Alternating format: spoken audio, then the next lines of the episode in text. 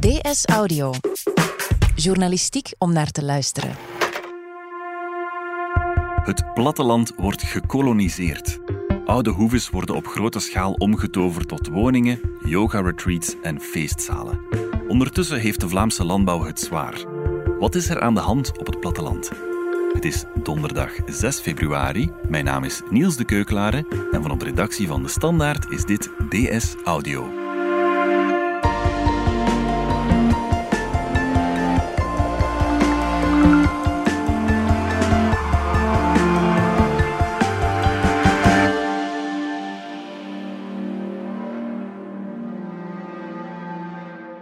In Vlaanderen stoppen jaarlijks zo'n duizend boeren en komen er slechts 150 nieuwe bij.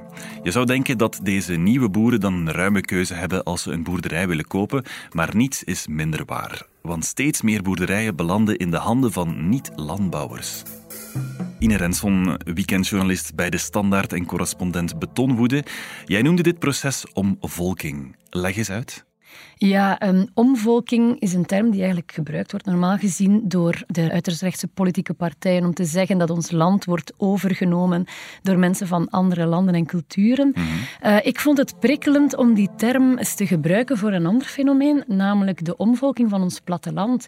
Dat eigenlijk de boeren, de oorspronkelijke bewoners in landbouwgebied, worden vervangen door anderen, inwijkelingen, mm -hmm. ja. stedelingen. Mm -hmm. um, van de 20.000 boerderijen die sinds 1996 gestopt zijn, kwamen er 18.000 in handen van niet-landbouwers. 90 procent dus. Um, als je daar de verdeling in ziet, dan zie je dat ongeveer een kleine helft, 40 procent, wordt gekocht door particulieren die daar dan een huis van maken. Ze bouwen die hoeven om tot een villa, um, een fermette, een kubus en combineren dit vaak ook met hobbydieren. Ja. Uh, of een praktijk, bijvoorbeeld een architectenbureau, een verzekeringskantoor. 20 procent van de oude hoeves wordt uh, nadien een nieuw bedrijf. Dat is dan een functiewijziging. Dat zijn dan bijvoorbeeld grondwerkers, transportbedrijven, hout- of metaalbewerkers, maar ook feestzalen, yoga en mm -hmm. wellnessboerderijen. En de rest, de overige 40%, is nog niet bestemd. Ja, maar de boer wordt een beetje van zijn land verdreven. Nochtans zijn het die boeren die zelf hun gronden en woningen verkopen aan de niet-boeren. Op zich gebeurt er dus niks illegaal. Ja, het is dubbel. Want Eigenlijk zijn die gebieden in de gewestplannen voorzien voor open ruimte. Dus mm -hmm. die hebben een bestemming, landbouw, uh, soms ook bos of groen. Uh, in principe mag je daar dus enkel een landbouwbedrijf uh, beginnen of houden, maar de overheid staat functiewijzigingen toe. Ja. Dat wordt dan gedoogd, zeg maar. Dus de bestemming van die grond verandert niet, het blijft landbouwgebied, maar je mag er iets anders doen. Nu, die functiewijzigingen hebben wel beperkingen. Hè. Daar wordt dan heel duidelijk gezegd wat je wel mag doen. Daar bestond vroeger ook een duidelijke lijst van wat allemaal mogelijk was. Het probleem is, men gaat heel vaak over die grens. Er wordt heel veel gedoogd. En er is ook zo goed als geen handhaving van wie tegen de regels ingaat. Een voorbeeld. Um, Iemand doet daar een opslag van goederen, dat mag. Je kan daar dingen opslaan in een oude stal bijvoorbeeld. Mm -hmm. Maar voor je het weet, wordt dat eigenlijk een logistieke hub.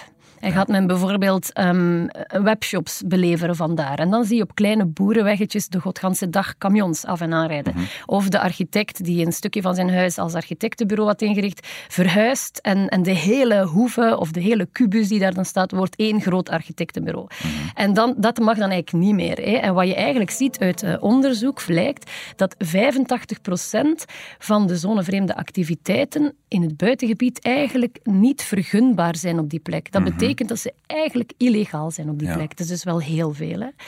Uh, en op die manier, het gevolg van wat ik daarnet schetste, van die omvolking, zeg maar, is dat ondertussen al 15% van ons landbouwgebied is ingenomen door zonevreemde activiteiten. En die 15% dat is een gemiddelde, want in Antwerpen en Vlaams-Brabant, waar de druk op open ruimte heel groot is, um, palmen zonevreemde villa's en, en die andere activiteiten tot de helft van het landbouwgebied in.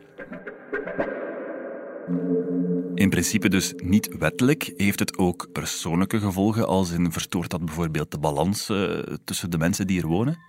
Ja, en dat is eigenlijk een van de grootste problemen, hè, behalve het feit dat er ook open ruimte op die manier wordt ingenomen. Maar eerst en vooral is dat die oude en nieuwe plattelandbewoners andere prioriteiten hebben. Het schuurt tussen die twee groepen.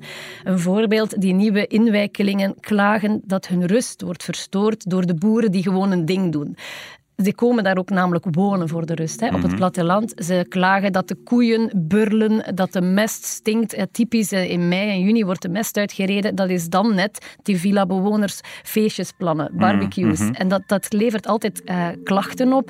Um, als boeren s'avonds laat nog maïs verhakselen, krijgen die klachten voor geluidsoverlast. En boeren klagen dat ze hun werk niet meer kunnen doen.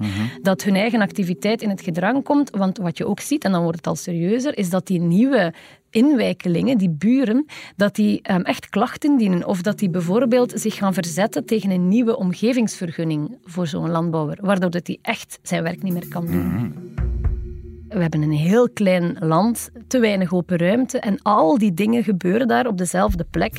Je kunt het niet vergelijken met pakweg Frankrijk of Polen, hè, waar je zeer uitgestrekt landelijke gebieden hebt. Bij ons is dat niet zo. Mhm. En dus die zitten eigenlijk op elkaars nek. Hè. Wat mhm. heel, heel belangrijk ook is daarbij, is dat al die nieuwe functies, die yogaboerderijen, die logistieke hubs, die zorgen continu voor verkeer. Hè. Auto's die af en aanrijden op straten die daar eigenlijk niet voor voorzien zijn. De boerenwegen, zeg maar. Of ze parkeren een auto in de berm. Hè. We kennen het allemaal, zo half in de graskant. En dan kan de tractor niet meer door. En dus dat, dat levert continu um, vrevel op.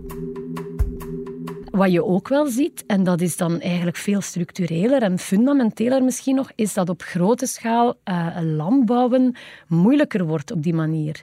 Op lange termijn, hè, omdat die kapitaalkrachtige mensen, die, die graag een, een fermette of een villa willen met een heel groot stuk grond bij, die uh, zijn bereid om veel geld neer te leggen voor een oude boerderij. Mm typisch, een stuk grond met 4, 5 hectare op.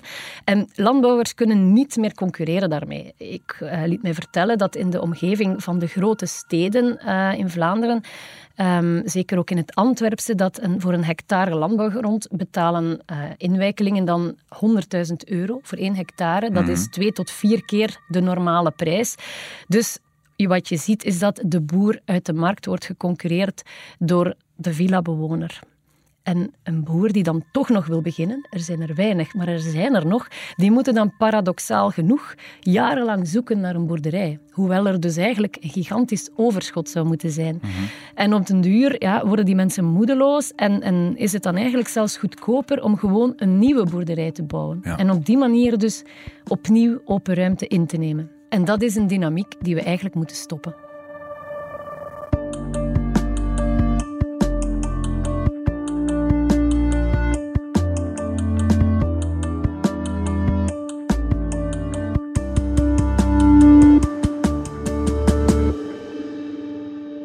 Tijdens je research kwam je terecht bij Denise en Stefan, een landbouwerskoppel dat besloot om hun oude stallen niet te verkopen, maar af te breken. Waarom deden ze dat? Wel, Denise en Stefan gaan stilaan met pensioen. Die ehm, bouwen het aantal koeien geleidelijk af. Mhm. De stal zal dus niet meer gebruikt worden. Wat dan vaak gebeurt, is dat die stal staat te verkommeren. Hè, of dat ze die dan verkopen of verhuren aan iemand anders. Um, Stefan en Denise zien zelf ook die trend om zich heen, om, om grond en gebouwen te verkopen aan niet-boeren. Maar ze hebben toch beslist om het niet te doen. En dat is eigenlijk vooral omdat zij geen zin hadden in geklaag van buren met mhm. andere prioriteiten. Ze hebben ook in het verleden op die manier het ouderlijke huis van zijn moeder, ehm, ook een boerderij die daarnaast stond, op het erf ernaast, hebben zij niet verkocht, maar hebben ze plat gegooid en daar een stuk weide van gemaakt.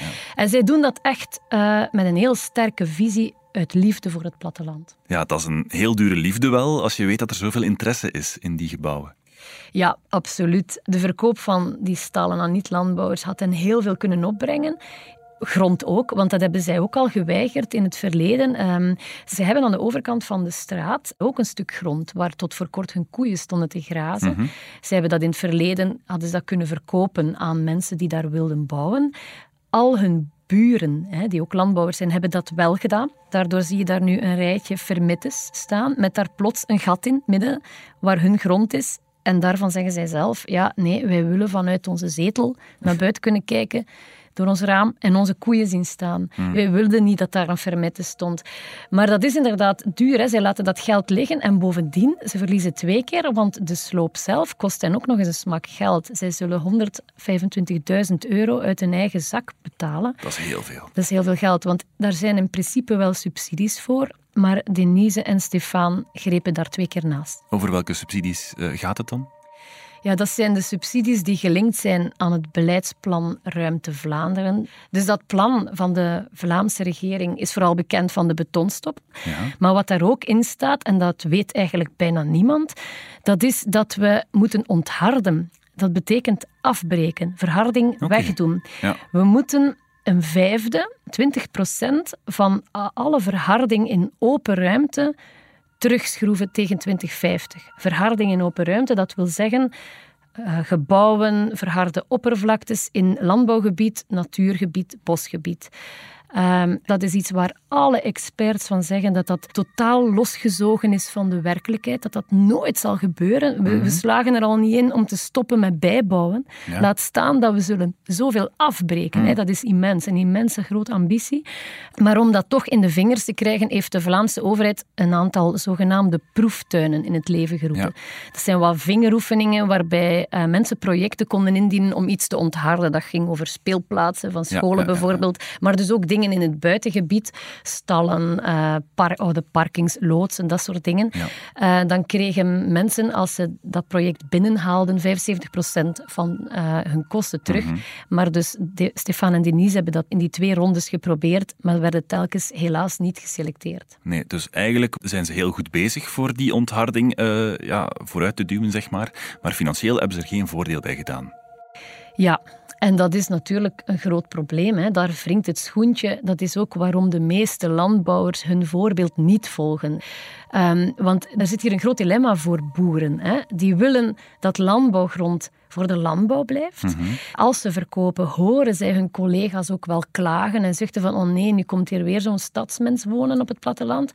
Um, maar als ze dan aan hun eigen belang denken en aan hun eigen portefeuille, is het financieel natuurlijk veel interessanter om te verkopen. Hè. Voor die mensen is dat eigenlijk hun pensioen hun spaarpot, hun erfenis. Mm Stefan en Denise begrijpen dit ook. Hè. Zij begrijpen die dilemma's. Um, zij beseffen ook dat ze geld laten liggen. Zij zeggen dat ze daar met weinig mensen over kunnen praten. De meeste van hun vrienden, zijn vaak ook boeren, verklaren hen zot. Maar ze zeggen ook, ja, um, wij zouden veel geld kunnen krijgen, maar wat moeten we daarmee doen? Hè? Wij, wij hebben toch geen tijd om op reis te gaan. Mm. We zitten altijd hier. Maar dus dat zijn echt ja, um, witte raven. Mhm.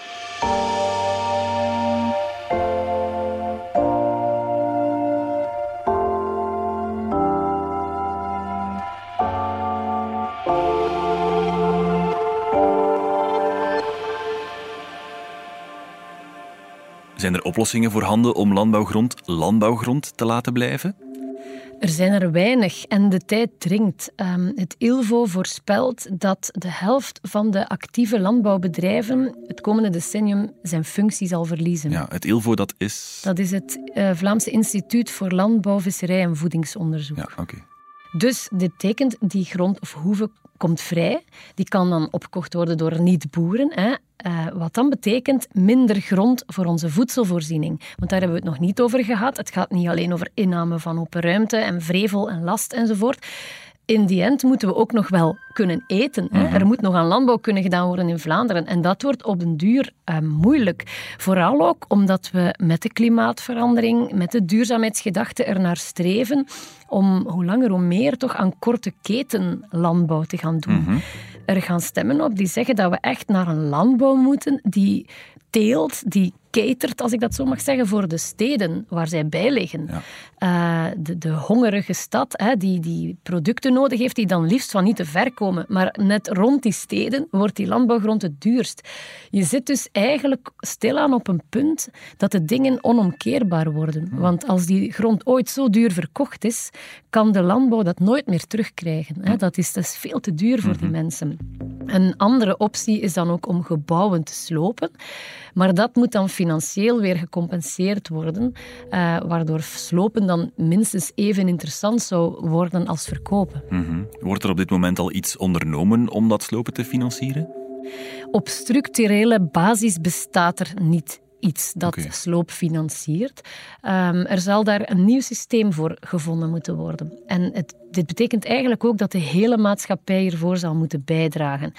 Um, bepaalde academici zijn daar nu over aan het nadenken. Uh, die denken na over bijvoorbeeld een sloopfonds. Mhm. Dat betekent dan dat um, mensen die een nieuwbouw willen zetten of een gebouw willen renoveren, dat die moeten bijdragen aan uh, een fonds en met dat geld wordt dan elders in open ruimte iets afgebroken. Ja. Je kunt het nog het best vergelijken met de Recupel-bijdrage die wij nu al betalen als we een nieuwe wasmachine kopen. Daarin zit de sloop van een oud wasmachine meteen ja, ja, ja. vervat. Hè. Dat is zoiets. Een alternatief of, of een andere mogelijkheid, iets wat daar dicht bij aansluit, is het idee van de sloopcertificaten. Dat is dan ehm, een situatie waarbij mensen die gebouwen willen afbreken certificaten krijgen. En die moeten dan opgekocht worden door bijvoorbeeld projectontwikkelaars die elders in kernen nieuwe gebouwen willen neerzetten. Dat is dan een systeem met een handel. Dan creëer je eigenlijk een markt voor sloopcertificaten. Dat is allemaal redelijk technisch, maar je kunt het eigenlijk nog het best vergelijken met de handel in eh, CO2-uitstootrechten. Ja, ja, ja. Waar grote bedrijven ook die uitstootrechten kunnen verhandelen met elkaar. Ja. Ehm, op die manier kan je dus oude stallen afbreken, zoals die van Stefan en Denise. Kan je dat ook financieren en zorgen dat die mensen daar toch al zeker een broek niet aan scheuren. Maar eigenlijk moet het nog veel verder gaan. Hè. We moeten naar ontharding in het openruimtegebied. Die 20% dat zullen we niet halen met boerderijen alleen. Het zal veel verder moeten gaan. De meeste gebouwen die in open ruimte staan, in landbouwgebied, in natuurgebied, zijn eigenlijk gewone woonhuizen. Vaak zonevreemd, maar die moeten dus ook voor een stuk verdwijnen. Die zijn vaak ook heel slecht gelegen. Eh, als je weer aan het klimaat denkt, hè, je moet er ver met je auto voor rijden, ver van openbaar vervoer. Op termijn zouden die beter ook verdwijnen als ze geen erfgoed zijn natuurlijk. Ehm, ons land is ook bezaaid met oude loodsen, oude fabrieken, nooit afgewerkte huizen of hotels, eh, parkings, en die blijven gewoon staan. Dat is eigenlijk ruimtelijk afval waar wij heel slordig mee zijn. We laten dat gewoon slingeren. Dat is vaak omdat de eigenaars het niet zien zitten om die afbraak te financieren, Ja. of omdat zij hopen daar later ooit toch nog iets mee te kunnen doen. Ja. Hè? Kunnen we met die afbraak van het ruimtelijk afval, zoals je het zelf ook noemt, eh, aan die 20% geraken? Daarmee kunnen we al een heel stuk springen, maar dat is niet genoeg. Maar wat je wel voelt is, voor dat ruimtelijk afval kan je in Vlaanderen misschien wel het snelst een draagvlak vinden.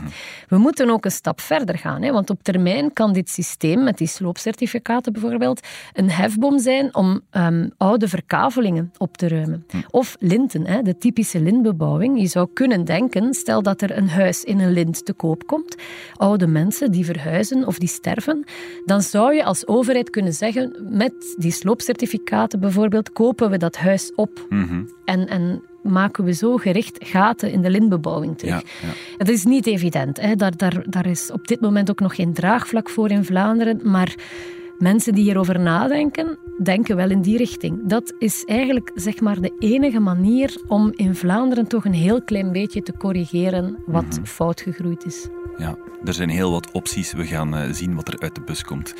Ine Renson, bedankt. Graag gedaan. Dit was DS Audio. Wil je reageren? Dat kan via dsaudio.standaard.be. Deze aflevering hoorde je Ine Renson en mezelf, Niels de Keukelare. De eindredactie gebeurde door Annelies van der Oost. Pieter Schrevens deed de audioproductie. Brecht Plasgaard schreef de muziek die je hoorde in deze podcast. Chef audio is Wouter van Driessen. Vond je deze podcast interessant? Weet dan dat je er elke werkdag één kunt beluisteren. Dat kan via de DS Nieuws app of via standaard.be-audio. Je kunt je ook abonneren via Apple Podcast, Spotify of de podcast-app van je keuze. En als je daar dan toch bent, schrijf gerust een review. Zo toon je ook anderen de weg. En we vertellen met de standaard natuurlijk niet enkel in onze podcasts over wat er in de wereld gebeurt. We doen dat ook in de krant en online. Benieuwd naar een abonnement? Ga dan zeker eens kijken op standaard.be-voordelig. Daar ontdek je ons aanbod en onze promoties. Morgen zijn we er opnieuw.